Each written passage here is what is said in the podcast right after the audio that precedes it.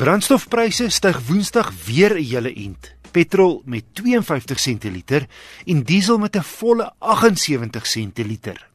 Dit was laat gister voor die amptelike aankondiging die Outomobiele Assosiasie se 1 Junie berekenings.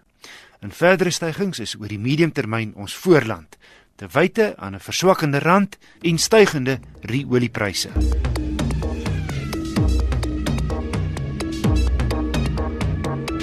Luisteraar van Nelspruit, Piet Kutse, vra na aanduiding van my verduideliking verlede week oor die bekendstelling van die nuwe Navara, wanneer kom Mitsubishi se nuwe Triton bakkie Suid-Afrika toe? Piet, dis nie duidelik nie, maar hy's op pad. Mitsubishi sê hulle wil die nuwe bakkie met die heel jongste generasie 2.4 turbo diesel en nuwe radkaste plaaslik bekendstel en die proses neem blykbaar tyd. Interessant genoeg word 'n bakkie wat op die einste Triton gebaseer is al volgende maand plaaslik bekend gestel. Die Fiat Fullback. Die Fiat bakkies gaan egter met die vorige generasie, met ander woorde die wat nou in die Triton plaaslik beskikbaar is, Mitsubishi 2.5 turbo diesel en bestaande radkas bekend gestel word. En dan het Werner Botes verskeie vrae oor motorverkope, onder meer watter sportnet se die beste verkoop. Werner verlede maand was die Ford EcoSport tops met 943 en die Toyota Fortuner tweede met 846 eenhede. Ek stuur voortaan vir jou elke maand die naamsa verkoopsyfers aan wat jou ander vrae aanspreek. Enige luisteraar wat in die maandelikse syfers belangstel, kan net 'n e-pos stuur na wissel@rsg.co.za. Dis ook die adres wat jy kan gebruik as jy enige motornavraag wil stuur. Dis wissel@rsg.co.za.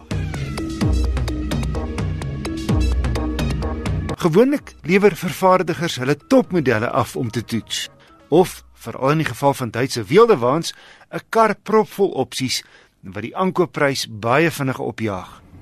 Maar toe doen Isuzu onlangs die teenoorgestelde en lewer die heel goedkoopste agterwiel aangedrewe KB dubbelkajuitpakkie af. Die 250 DTEC Highrider. Alloy wiele, high corner. Die heel agterste klap wat kan sluit en drie sensors? Nee. Ritrekenaar? Negatief. Verstelbare hoofligte en elektriese spieëls? Uh-uh. Kontroles op die stuur? Aibo. Tog beheer? Vergeet dit. Oor die stuur, dan die kan net op en af verstel. Darmligversorging, 'n netjies geïntegreerde radio en Bluetooth kom standaard. O, en die vensters werk daarom elektries. Die agterste sitplekke se sitvlakgedeeltes kan 1/2 1/2 opslaan as jy groter goed wil agter inpak. En dan is hier so 'n klein versteekte vloergedeelte waarin jy kosbare items kan bære sonder dat dit sigbaar is.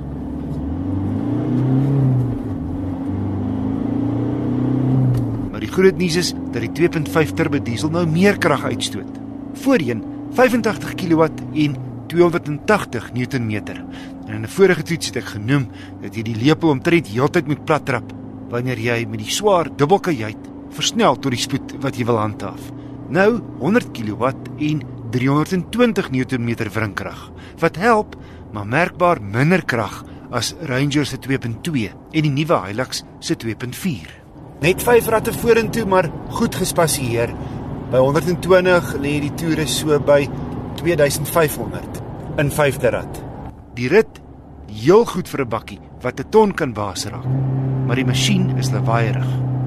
Die dubbelgejuit bakkie is egter duur teen R344400 gegee sy basiese toerusting vlak. Dierder is die Ford Ranger en Toyota Hilux ewe knieë. Maar ondanks Isuzu se relatiewe hoë pryse reg hierdie reeks, is hy maand na maand die derde beste 1 ton verkoper. Verlede jaar het Isuzu gemiddeld 1360 bakkies per maand van die hand gesit.